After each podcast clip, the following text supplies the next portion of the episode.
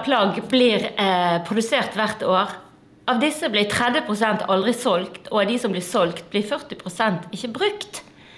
Vi eh, har en eh, miljøkatastrofe i våre hender, og den beste til å snakke med meg om dette i dag er Preben Karlsen, mannen bak Switch, men også kanskje kjent for de fleste fra Trigger og fra Go Good-prosjektet.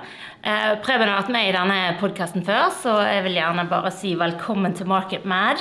Igjen, Preben. Tusen, tusen, tusen takk. Det er veldig hyggelig å være tilbake igjen. Det var gøy sist, så jeg gleder meg til denne.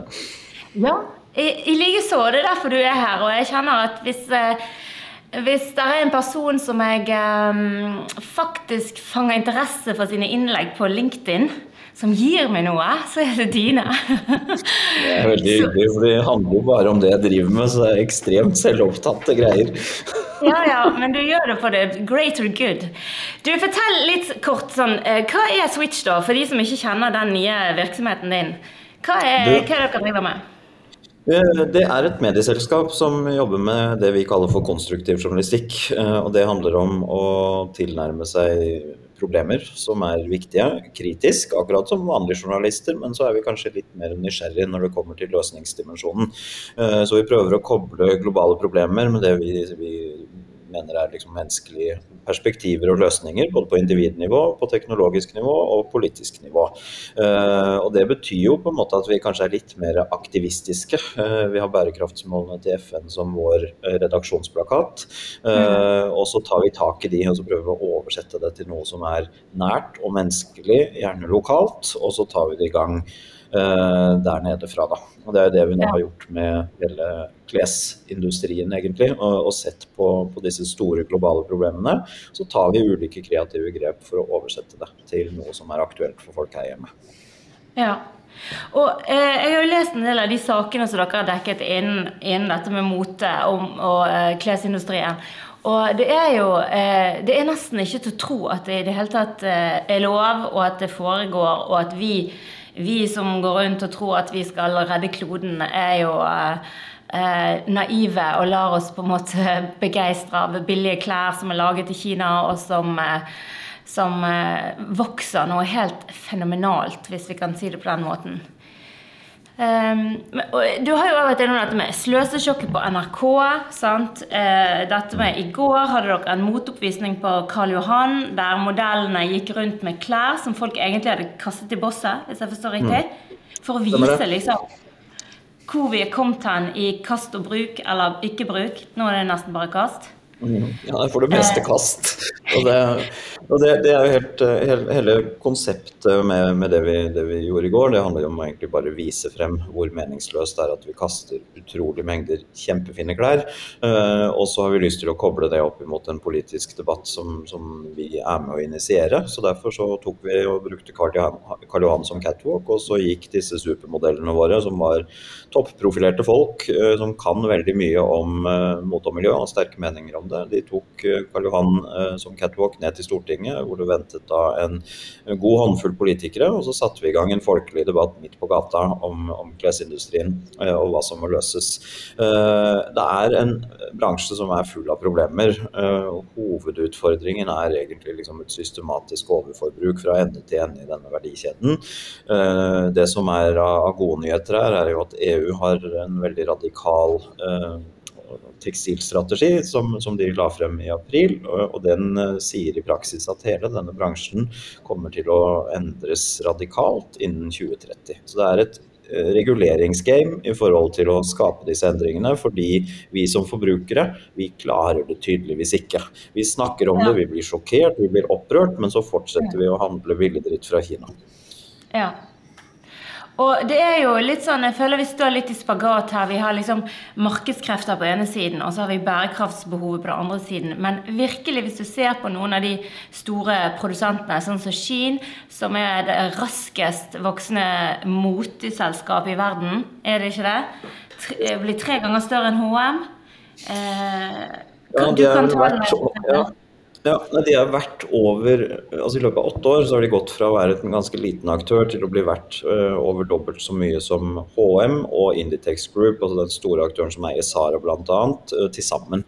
Og Dette er de to største fast fashion-aktørene som finnes globalt. Det man sier er jo at, at Skien har tatt dette liksom, til neste nivå uh, i forhold til ultrafast uh, fashion. Ja. Og måten, altså Ut fra et markedsperspektiv ja. ut fra et markedsperspektiv så er jo de fantastisk flinke. Eh, jeg vil si at sånn i forhold til digital marketing, så er det kanskje bare pornobransjen som er bedre enn dem i forhold til å drive sin, sin relativt kyniske markedsføringsvirksomhet. Men, men ut ifra et bærekraftsperspektiv så er det en fullstendig katastrofe som, som må stoppes med alle midler, mener jeg. Ja, for hvis du på en måte, for de som ikke er kjent med Shein, så er det vel egentlig hva skal vi si, De selger billige klær til unge jenter som er forholdsvis enkle å manipulere. Eh, sitat eh, eh, men altså dette her er De kopierer eh, designere over natten. De produserer 2000 nye plagg, altså ikke plagg, men artikler, nye modeller, hver dag. Mm. Eh, og eh, dette er klær som er så billige at selv 13-åringer har gjerne råd til å kjøpe det og bestille det på nett og få det hjem og syns det er veldig gøy. Eh, så, det de så, gjør, sånn er jo ja, Det er jo på en måte en sånn skolebok på digital markedsføring satt i, i system. Men det er akkurat som noen har skapt et monster for planeten her, da. Ja, dette er jo på en måte altså, hele, hele, masseproduksjonsmodellen, egentlig. Eller overforbruksmodellen satt i, i system på, på, en ny og, og, enda mer effektiv måte. sant? Dette er kinesisk produksjon uh, under elendige arbeidsforhold, uh, hvor folk får betalt per plagg. Så de jobber jo ekstremt mye og tjener ekstremt dårlig. Uh, og hele, hele, måten Skien jobber på, med, med avansert uh, kunstig intelligent uh, designløsninger f.eks., der hvor de har mm. Algoritmer som fanger opp trenddata fra TikTok om uh, ting som rører seg, f.eks. at Kim Kardashian legger ut et designplagg som går viralt. et plagg som sikkert koster minst 50 000 kroner, det hun har på. Det snapper algoritmene til Skien opp, og så lager de da i løpet av et par dager en billig kopi eh, som produseres opp på disse desentraliserte hubene deres i Kina, eh, hvor det sitter folk og, og, og, rett og slett syr livet av seg eh, for å, å få ut da klær laget av plastikk, altså polyester gjerne, billige, billige mm. materialer, eh, som er blåkopier av disse designplaggene. Og så sender de det til, tilbake igjen ikke sant? Eh, gjennom smart digital marketing til de folka som de har sett at har likt det opprinnelige plagget uh, til Kim Kardashian. Uh, bare forskjellen er jo at dette er en prislapp på kanskje 30-40-50 kroner istedenfor 50 000, sånn at alle våre jentebarn som sitter på sine TikTok-kanaler rundt omkring, har råd til å kjøpe det selv. og så bestiller de det, og så kommer det fra Kina rett på døra. Og Det er jo ganske åpenbart når man begynner å tenke på det. Hva skjer med dette plagget? Det er sydd av mennesker i Kina. Det er transportert mm. fra Kina til Norge. Det består av noen materialer. Det kan ikke koste under 100 kroner for en kjole. Det, det er ikke noe som vi kan stå inne for. og Det, det er noe med den der grunn tenkningen der som vi mennesker må ta inn over oss.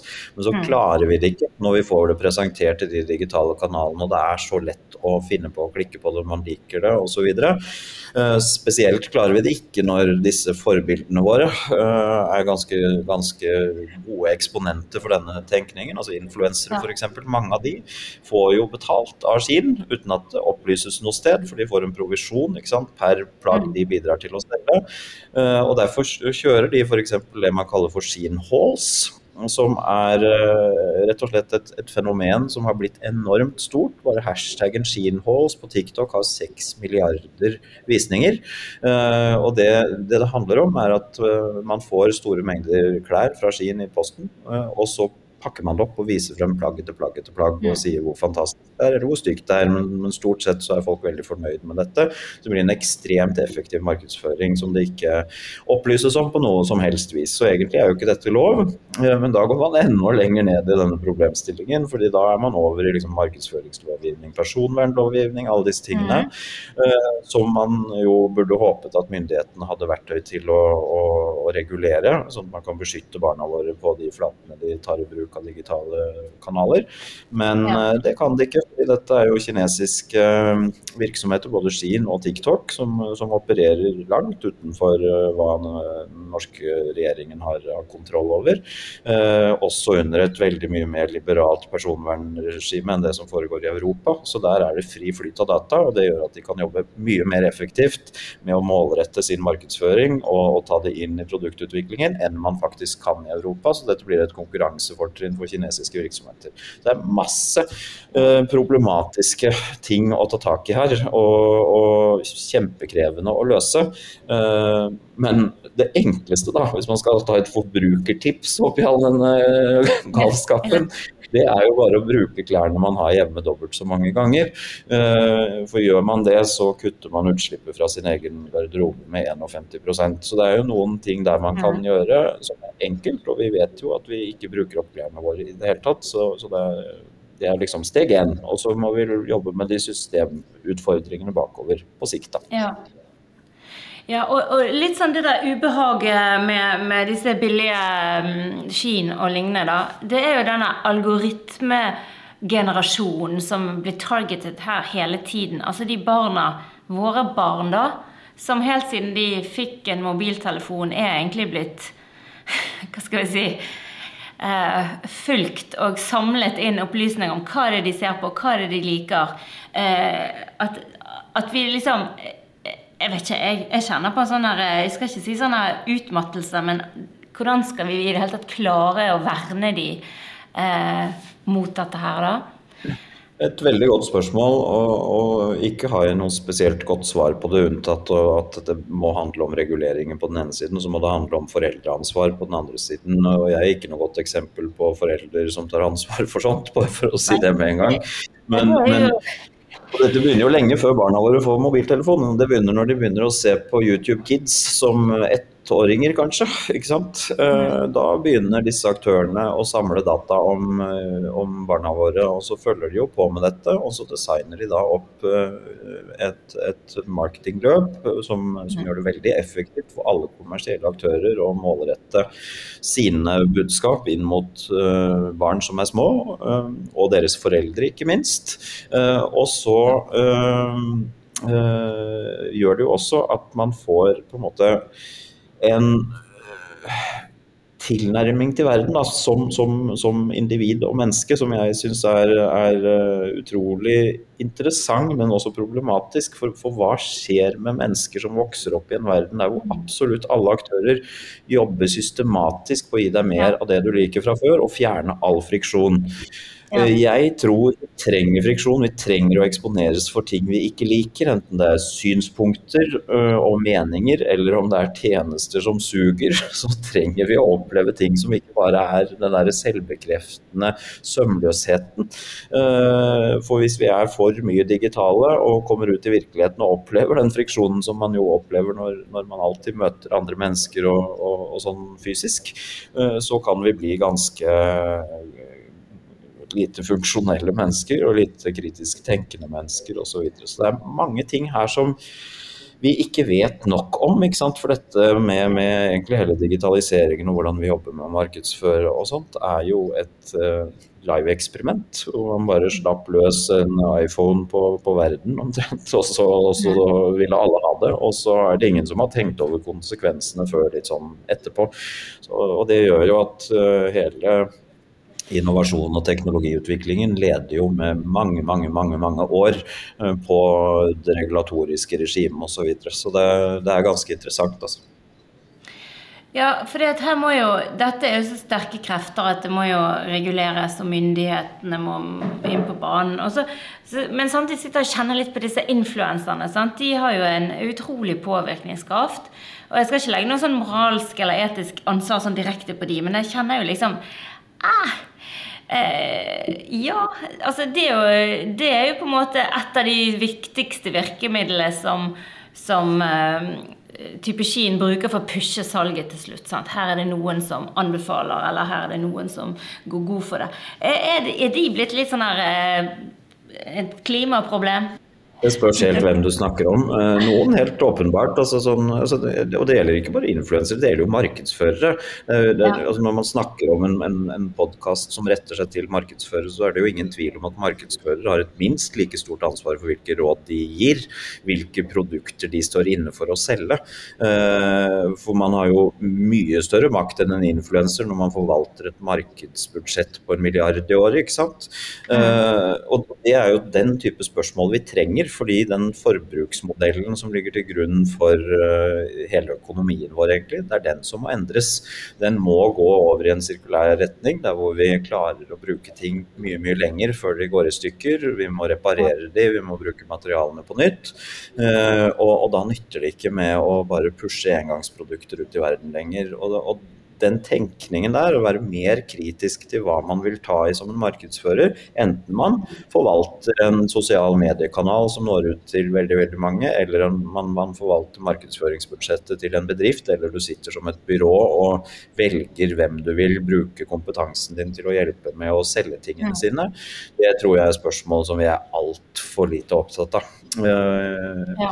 Det er en av grunnene til sånn som Switch. Når vi jobber med de kommersielle aspektene våre, så, så har vi det vi kaller for bærekraftsertifiserte annonser. hvor vi på akkurat samme måte som når vi jobber redaksjonelt, så skal vi stå innenfor faktaene. Vi skal gjøre en kritisk gjennomgang av uh, det vi løfter frem. Og er det noe som ikke bidrar i en positiv utvikling på bærekraftsiden, så tar vi ikke i det. Og får ikke plass, uansett hvor mye de vil betale. Ja, og fordi at mange opererer litt med denne, og vi skal gjøre minimum effort på bærekraft. Mens eh, målet burde, burde være at alle, vi skal gjøre minimum harm. Sant? At vi liksom må mm. snu på hele Akkurat det som du sier. Vil vi stå inne for dette i alle ledd, helt sånn på, på etisk, ikke bare si ja, vi skal selge mer, og, men vi lager det på plastflaske nå istedenfor glass, for det veier mindre å transportere. Mm. Check, liksom. sant? Ja.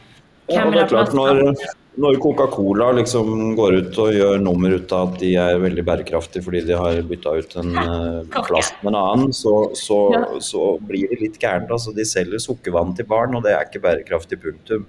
Uh, så, så det, det, er noe med det der at man må på, på en eller annen måte være mye mer bevisst. altså Flere må være med på denne reisen, fordi den er så krevende. Og den krever jo egentlig innovasjon og utvikling i alle ledd. Både på, på, på produkt- og tjenesteutviklingssiden og forretningsmodellsiden, som er det aller vanskeligste. Så må verdikjedene bygges ut. Det er jo det jeg har jobbet med i GoGood med sirkulærøkonomi lenge. Og så har du det regulatoriske regimet, og så har du også på markedsføringssiden og hvordan vi som, som kunder ter oss. da. Eh, det er fascinerende. Jeg fikk en, en presentasjon av eh, Ole Petter Nyhaug i Opinionen nå forrige dagen om, om eh, forbrukertrender innenfor tekstil og, og, og klesbransjen. Mm. Uh, og den viser nå at uh, for første gang på mange år så har nordmenn uh, det siste året blitt mye mye mindre opptatt av bærekraft.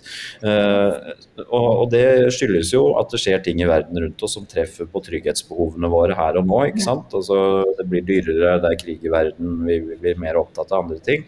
Men det paradoksale da det er jo at vi faktisk handler mye mer bærekraftig. Fordi vi kjøper mindre, vi, vi kjøper ja, mer brukt, vi tar en del sånne type ting. Og så er det jo da synd, syns jeg, at man ikke er mer stolt av at man faktisk handler mer bærekraftig, og at man dermed blir mer opptatt av det. Så det er en eller annen sånn missing link her for å få den der farta. Vi slutter å tenke på det når vi agerer riktig, og så er vi veldig opptatt av det når vi sitter på toppen av Maslow-pyramiden og egentlig bare kan realisere oss selv, for vi har ingen økonomiske bekymringer, vi kjøper hva vi vil osv. Da er vi opptatt av verden rundt oss. Men det er den koblingen der som jeg tror kanskje mangler litt for at man skal få den farta som, som verden trenger. da. Og den er veldig enig, og da tenker jeg den motivasjonen er jo enda mindre i et land som Kina, med så mange fattige folk som er langt nede i Maslows pyramide som eh, tar den jobben og eh, får dårlig betalt og dårlig behandling, for de har ikke noen alternativer. sant? Eh, sånn at det er veldig vanskelig å sitte her i Norge og, eller tenker jeg da, Hvordan skal vi påvirke den hele verdikjeden til noen som er så langt vekke, og som har helt andre hva skal jeg si, så du sier, menneskerettigheter og, og, og liksom utgangspunkt for å, ta, for å, bli mer bærekraftig. Fordi at når denne, spesielt klesproduksjonen, den verdikjeden består av så mye som blir produsert, som ikke blir solgt, og ikke som blir brukt, så er det jo Det henger det er tydeligvis leddene ikke henger sammen her. At man ikke snakker med hverandre. Hvorfor skal vi produsere alt dette hvis ikke vi skal selge det? Sant? Mm. Og hvordan blir det sånn? Ja, Vi skal jo ikke produsere alt dette. Så, altså, sånn, sånn, som det funker i dag, så er det jo på en måte en Man tar noen bets ikke sant, på hva du får solgt i et marked. Det er jo sånn det fungerer. Det er derfor det er så ekstreme mengder med, med klær f.eks. som produseres som aldri blir solgt. Det er fordi man, man, Hvis du kjøper inn store mengder, så får du jo enorme volumrabatter. Uh, og da, da, hvis du bommer på trend f.eks., eller størrelse eller hva som helst, så sitter du igjen med kjempestore overlager. Uh, Uh, I tillegg så vet vi at en del typer kleskjeder så får innkjøperne bonus basert på liksom hvor store volumer og hvor gode priser de får fra innkjøpere og sånn, så det trekker jo da insentivene i, i, motsatt vei enn å treffe på et behov i markedet, egentlig. Ja.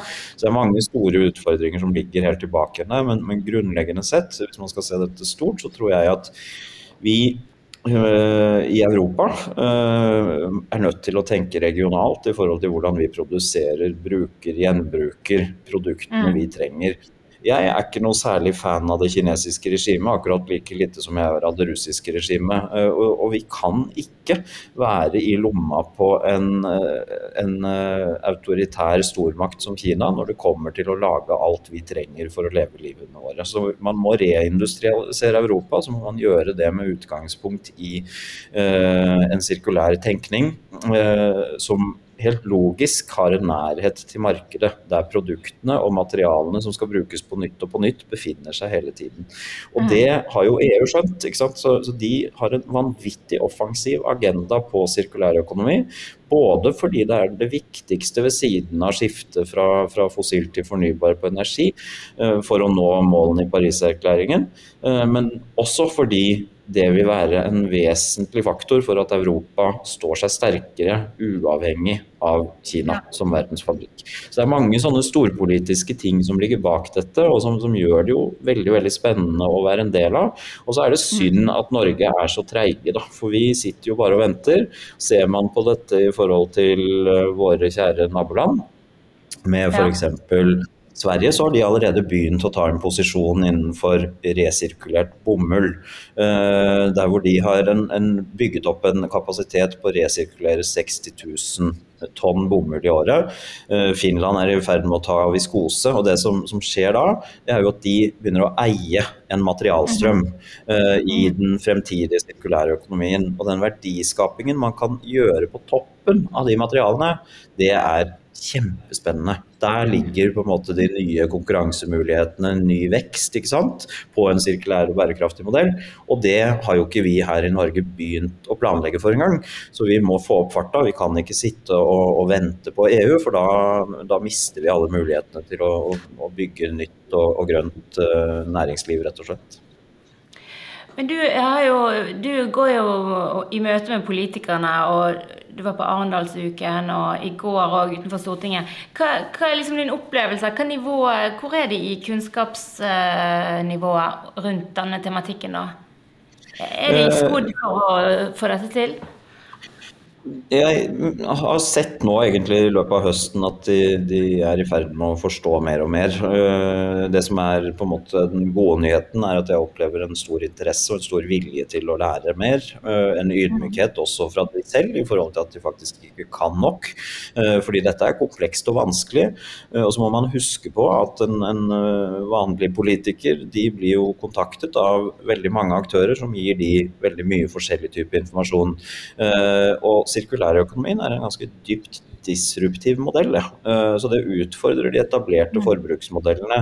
Og hvem er det som driver mest lobby? Jo, det er de aktørene som sitter i den andre økonomien, den som må byttes ut. Eh, og da er det ekstra vanskelig å være politiker og navigere riktig. Så jeg er litt opptatt av å nyansere det bildet av kunnskapsløse politikere.